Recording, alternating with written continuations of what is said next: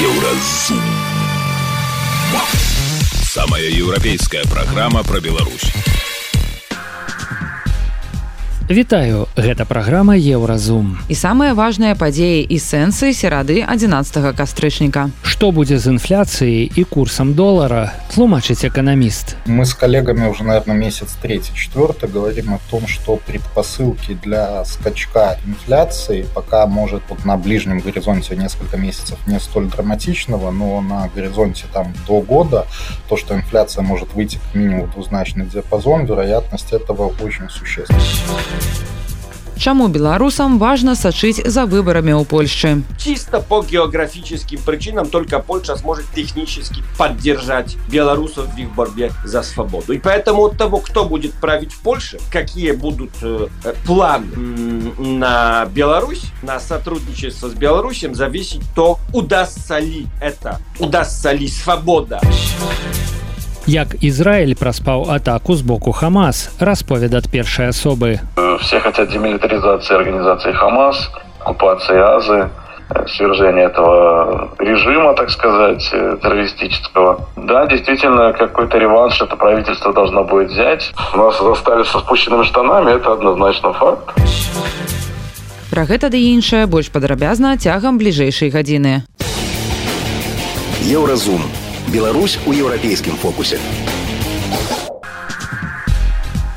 Нацбанк Беларусі б'е трывогу. Беларусы набралі крэдытаў амаль на 19 мільярдаў рублёў і гэта рэкорд. Пры гэтым відавочна працягвае працаваць друкавальны станок. За 2022 год наяўных грошай у абароце стала на 2 мільярды рублёў больш. Як можа ударыць па эканоміцы закрэдытаванасць насельніцтва ці працягнуць расці кошты? Пра гэта вядучым звычайнай раніцы распавядае эканаміст старшы навуковы супрацоўнік бюрок Дмитрий Круг. Мы с коллегами уже, наверное, месяц третий, четвертый говорим о том, что предпосылки для скачка инфляции пока может вот на ближнем горизонте несколько месяцев не столь драматичного, но на горизонте там до года то, что инфляция может выйти к минимуму двузначный диапазон, вероятность этого очень существенна. То есть вот это ключевое последствие.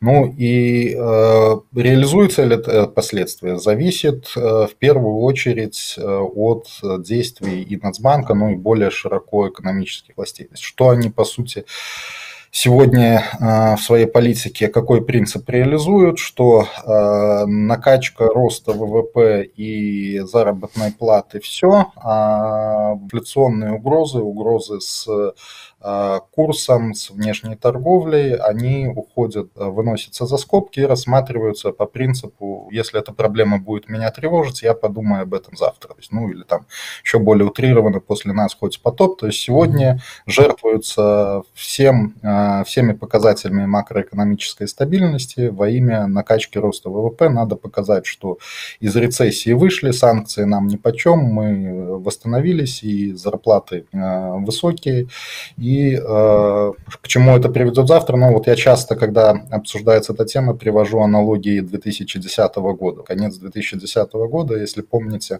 тогда тоже было очень много бравурных заявлений, что мы обеспечили небывалый рост благосостояния. И это все уже, когда мы знаем, чем завершилось, через три месяца привело к э, взрывному валютному кризису, взрывному обесценению рубля.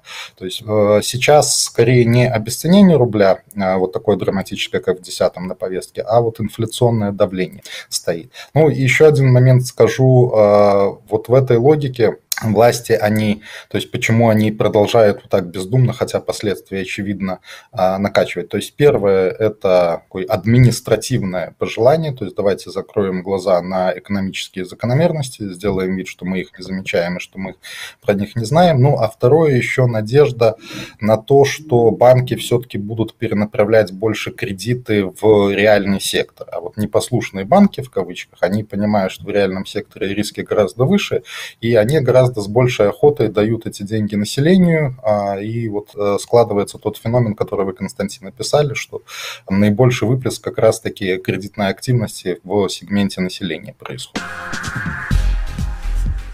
акрамя коштаў беларусаў дужа хвалююць курсы долара і еўра на торгах 11 кастрычніка долар стаяў на месцы а ось еўра адчувальна подрос якім будзе курс долара до конца 2023 года працягвае эканаміст Дмітрий круг говоря про курс я всегда подчеркиваю что я прогнозированием курса не занимаюсь я тут часто ссылаюсь на Алана Гринсмана который долгие-долгие годы ФРС США возглавлял который говорил о том что прогнозировать курс это самое неблагодарное занятие занятие в экономическом прогнозе. То есть это переменная, она такая очень-очень специфическая. Но можно, да, выделить факторы, которые наиболее в конкретный момент времени наиболее важны, наибольшее влияние просто оказывают.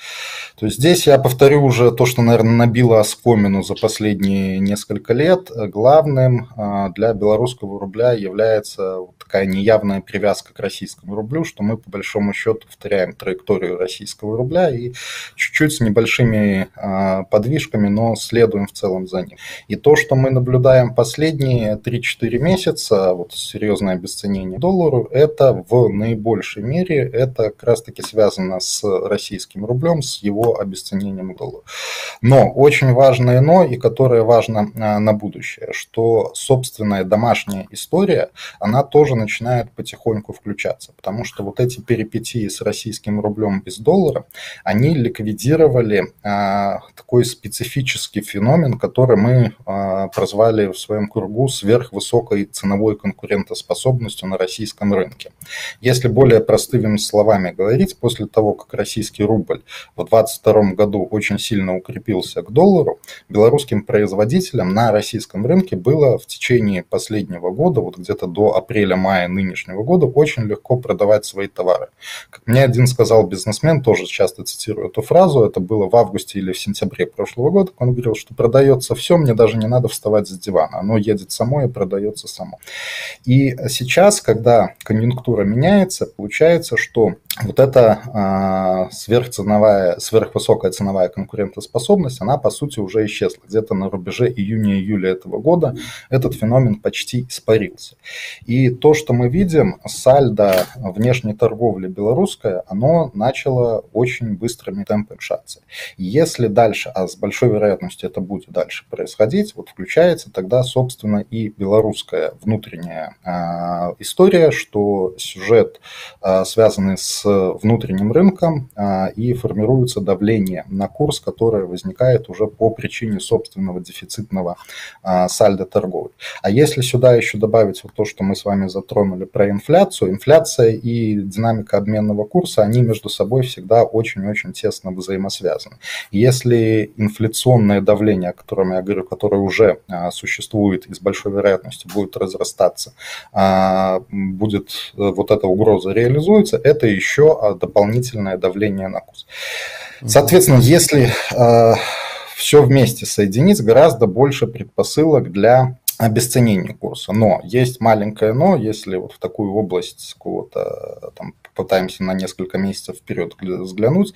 Вот вернусь к первому, к российскому фактору. Там есть на данный момент предпосылки для определенной стабилизации, потому что цены на газ и нефть, они в том числе российские, на последние несколько месяцев они чуть-чуть подросли, и последний месяц-два нефтегазовые доходы России, они начинают чуть-чуть восстанавливаться. То есть в связи с этим а, российский рубль, он вполне вероятно, тоже много оговорок, но есть предпосылки предпосылки думать, что он плюс-минус стабилизируется. Сегодня вот с, с учетом санкций и того, что э, куча российских рублей валютной выручки российской оседает вне России, там э, ввели такой термин офшорный рынок российского рубля, там любое дуновение ветра может его колебать, российский рубль, я имею в виду, очень-очень сильно. Соответственно, вот по напрямую это будет затрагивать и белорусский.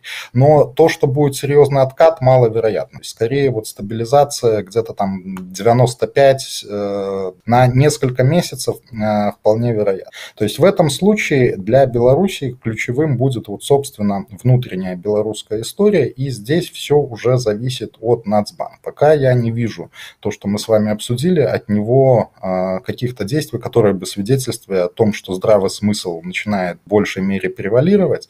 В таком случае это будет означать, да, что давление на белорусский рубль будет продолжаться, и вот такая поступательная такое поступательное обесценение, думаю, с высокой вероятностью может сохраняться. То есть о драматичном каком-то мы пока речи не ведем, если вдруг этого драматичного обесценения не будет в России, но чем больше будут вот с печатным станком, то, что вы уже упоминали, пытаться подтолкнуть экономику, тем в большей мере и более явно это будет сказываться и на ценах, и на обменном.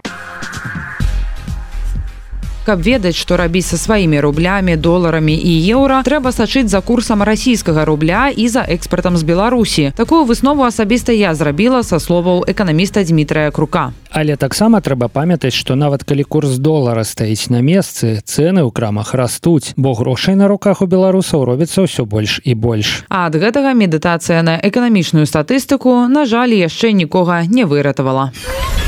Еўрарадыё кропка FM. Далей у праграме Еўразум. Чаму беларусам важна сачыць за выбарамі ў Польшчы? Чисто по географическим причинам только Польша сможет технически поддержать белорусов в их борьбе за свободу. И поэтому от того, кто будет править в Польше, какие будут э, планы на Беларусь, на сотрудничество с Беларусью, зависит то, удастся ли это, удастся ли свобода як Ізраиль праспаў атаку з боку Хамас расповед ад першай асобы все хотят демилитаризации организации Хамас оккупации Азы свержение этого режима, так сказать, террористического. Да, действительно, какой-то реванш это правительство должно будет взять. Нас застали со спущенными штанами, это однозначно факт. Сустрэнемся пасля навінаў спорту. Еўразум. Беларусь у еўрапейскім фокусе.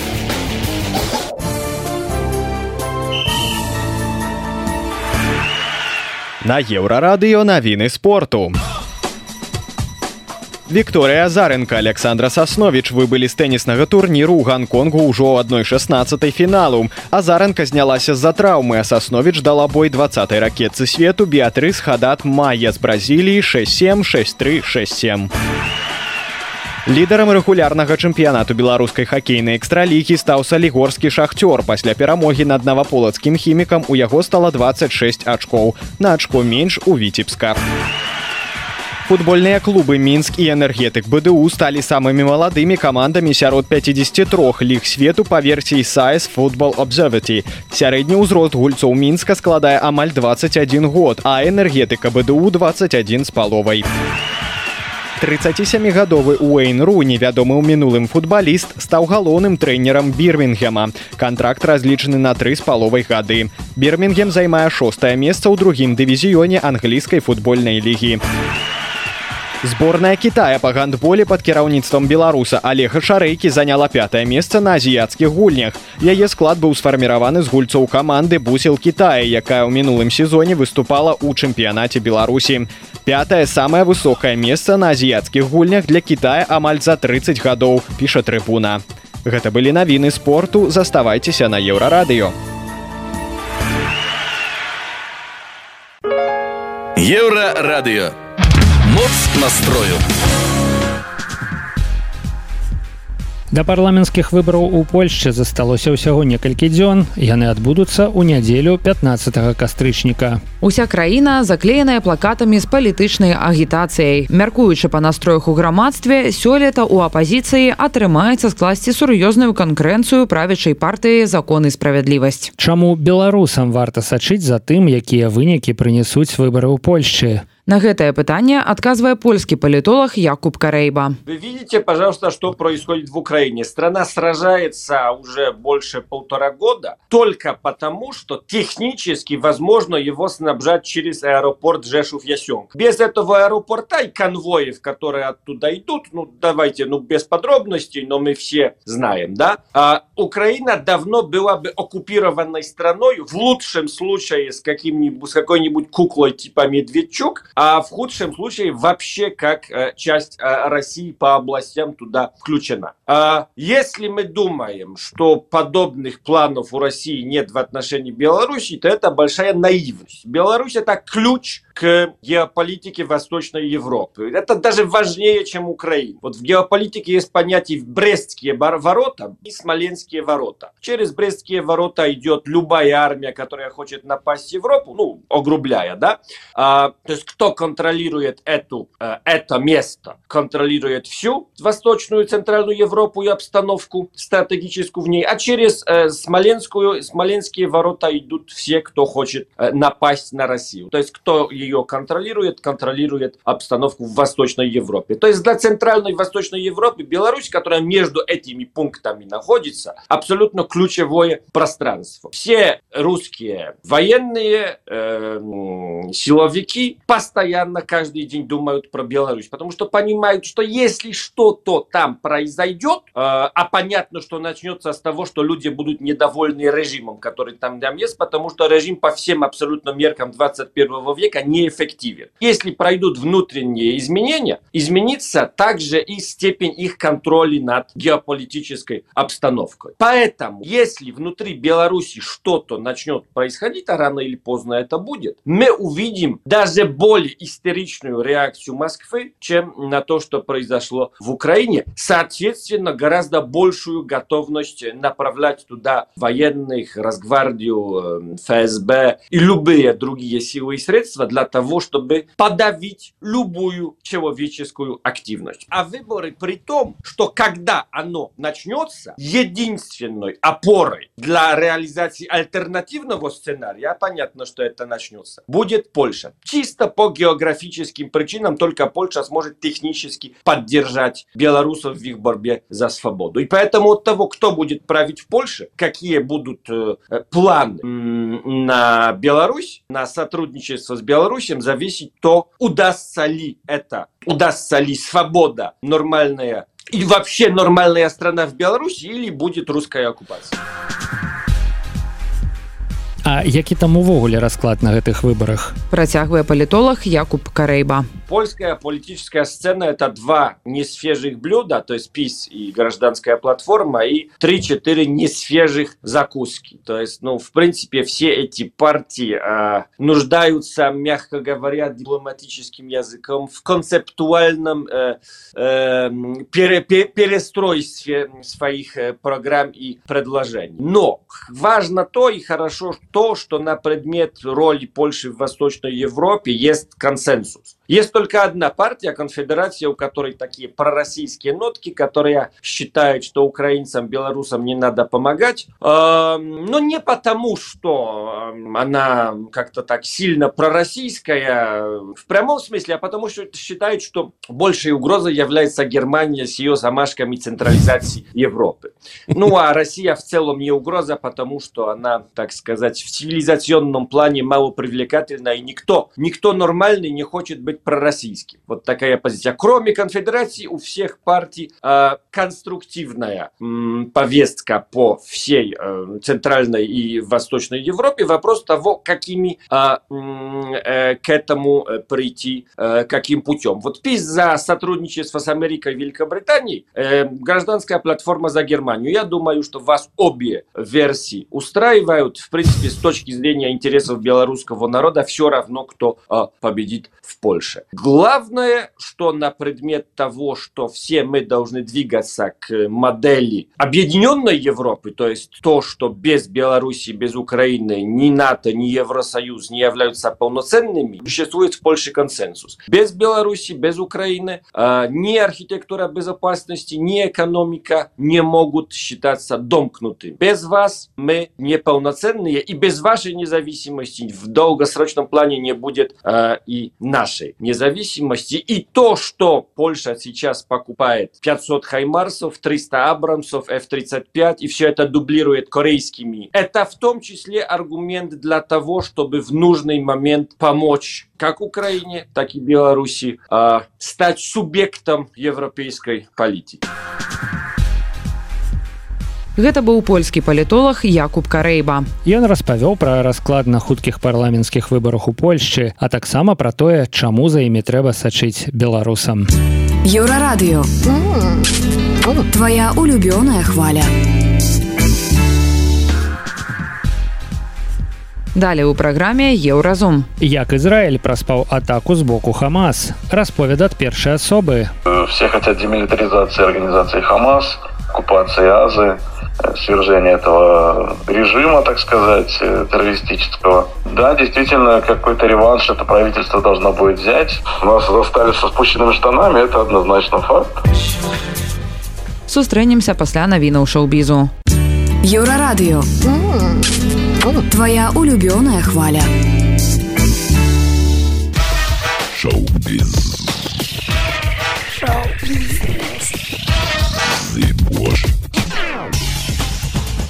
Навіны шоу-бізу на еўрарадыё. Аніматар Юрый Сямашка апублікаваў тызер сваёй новай працы кроў і караоке. Гэта гісторыя пра баязлівага вартаўніка супермаркету, які ўступае ў наканаванае супрацьстаянне з вельмі ўпэўненым у сабе крымінальным элементам. Сямашка селфмейт кінематаграфіст, знакаміты сваімі працамі ў ігравым і анімацыйным кіно. Яго фільмы, калі б я быў генерал, смеццевая галава і іншыя атрымлівалі ўзнагароды на міжнародных кінафестывалях. Прынц Гары і Меган Маркл прынялі ўдзел у сусветным дні псіхічнага здароўя Project Healthy Minds у нью-йорку. Яны далучыліся да панелі псіхічнае здароўе ў эпоху лічбавых тэхналогій. Падчас выступу пара распавяла пра сваю барацьбу за тое, каб зрабіць сацыяльныя сеткі больш бяспечнымі, а таксама пра ўплыў інтэрнэту на іх уласную сям'ю. Размова паслужыла дыскусія аб пабудове супольнасці і стварэння пазітыўных зменаў для больш бяспечнай онлайн-прасторы для моладзі. Наталі Портман, Гая Сіры і Гальгадот адказалі на атаку Хамас на Ізраіль. Паведамленні са спачуваннямі і падтрымкай пачалі публікавацца пасля таго, як палестынская групоўка баевікоў Хамас раніцаю ў суботу нанесла смяротныя наземныя паветраныя ўдары краіне. Гай, Наталі і Галь маюць ізраільскія карані. Гадот, якая ў мінулым выказвалася ў падтрымку Ізраіля, у суботу размясціла ў сваім акаунце ў нстаграм скрыншот навіны, у якой гаворыцца, што ізраільскія салдаты і грамадзянскія асобы былі ўзяты ў закладнікі баевікамі. Ілон Маск выратаваў ролю для Эмберхёрд у сіквеле Аквамена. Паводле новага паведамлення вырайце тагачасны бойфренд Хёрд напісаў ліст прашэння ў Warner Brothers. А калі Эмберт не захавае сваю ролю ў франшызе DC, то Маск паабяцаў спаліць дамы босаў кінакампаніі. Чуткі аб тым, што Эмбер страціць адну з самых знакамітых сваіх роляў пайшлі з моманту яе скандальнага суду з былым мужам знакамітым акторам і музыкам Джоні Дэпам. Гэта былі навіны шоу-бізу, заставайцеся на еўрарадыё.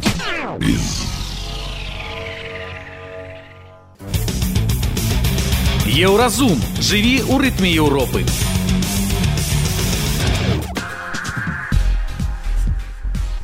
Увесь свет сочыць за развіццём вайны паміж Ізраілем і Хамас. Тэлявіў абвясціў, што ачысціў сваю тэрыторыю ад баевікоў, абодва бакі працягваюць абстрэлы. Вайна вядзецца і ў медыйнай прасторы і палестынцы вядуць яе вельмі таленавіта. Напрыклад, палестынская дзяўчына, якая распавядае, як яе сям'я хаваецца ад абстрэлаў падалей ад сцены вокнаў, непазбежна выклікае параўнанні ізраільскіх абстрэлаў сектара газа з расійскімі абстрэламі ва ўкраіне. І вось людзі ўжо забыліся пра больш як тысячу ахвяраў нападу палестынскіх тэрарыстаў на Ізраіль і спачуваюць палестынцам. Так гэта і працуе. Пра тое, як развіваюцца падзеі і як вайна адбіваецца на жыццях простых людзей, еўрарадыё попрасіла распавесці беларуса Барыса Сухадрэва. Ён жыве ў Ізраілі ўжо 33 гады і з'яўляецца сведкам усіх апошніх падзеяў, звязаных з араба-ізраільскім канфліктам.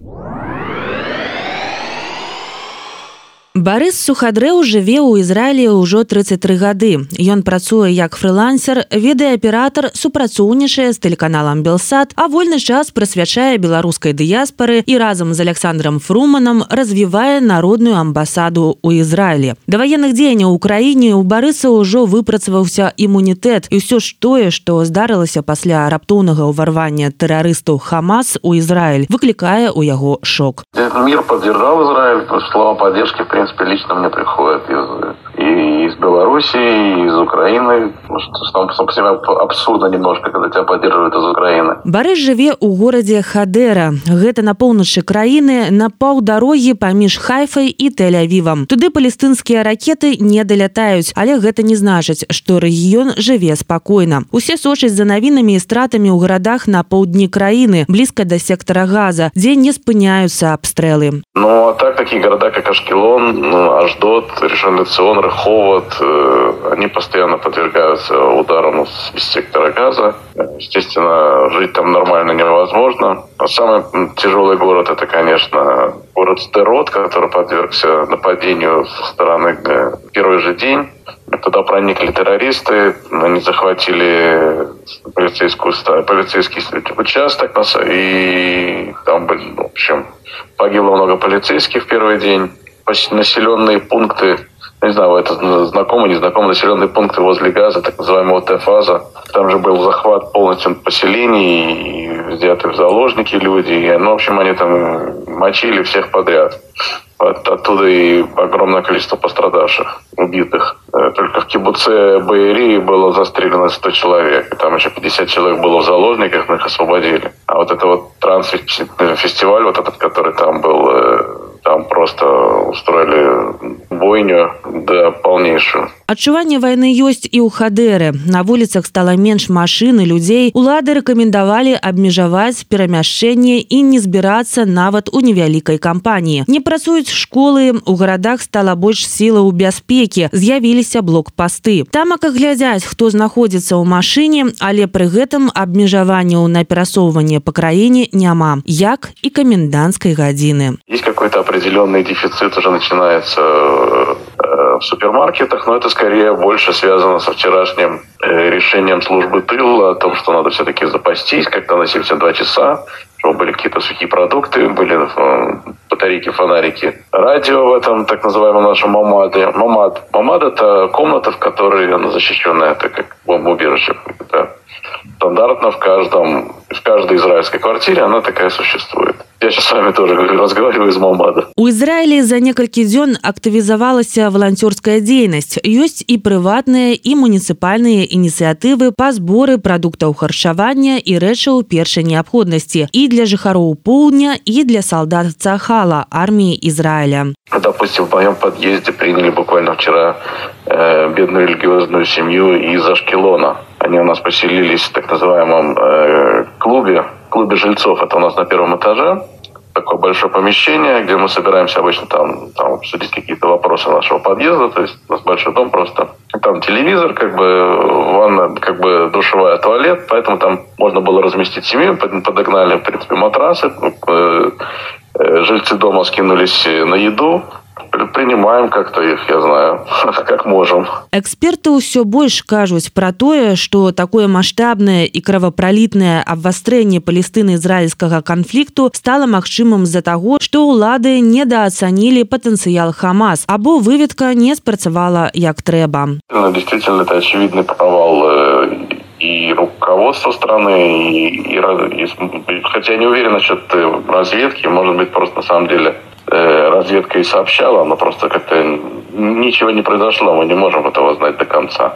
Поступили также сообщения о том, что министр э, развед... разведки Египта сообщал Нетаньяу о том, что что-то готовится очень крупное в Газе. Мы не можем знать, он проигнорировал, не проигнорировал, но то, что нас застали со спущенными штанами, это однозначно факт. У той же час народ Израиля давярае ўраду, нават пасля такога промаху. Как бы народ, естественно, хочет мести, надо понять, ну, как бы все хотят демилитаризации организации Хамас, э, оккупации Азы, э, свержения этого режима, так сказать, э, террористического. Ну и да, действительно, какой-то реванш это правительство должно будет взять. Дело в том, что у нас правительство и действующие какие-то органы это не совсем одно и то же. В демократическом строе армия это армия, а президент это президент. Ну, скажем, в нашем случае премьер-министр. Поэтому надеются все-таки на профессиональность армии, на взаимовыручку, которая будет из тыла приходить. Но сейчас все больше и больше раздается недовольство происходящим, пытаются понять, как же это все произошло. Не, не пытаются пока что до конца найти виноватых в этой ситуации, потому что идет война, и с этим надо будет разбираться после. Первые голосы недовольства, конечно, раздаются из масс-медиа. Тем не менее, как бы верят, что, ну, верят в победу, естественно, несмотря ни на что. Информационная служба Еврорадио. Гэта была праграма еўразум штодзённы інфармацыйны падкаст еўрарадыё кожны дзень мы распавядаем пра самыя галоўныя навіны беларусі і свету а сённяшні выпуск скончаны беражыце сябе пачуемся еўразум самая еўрапейская праграма пра Беларусь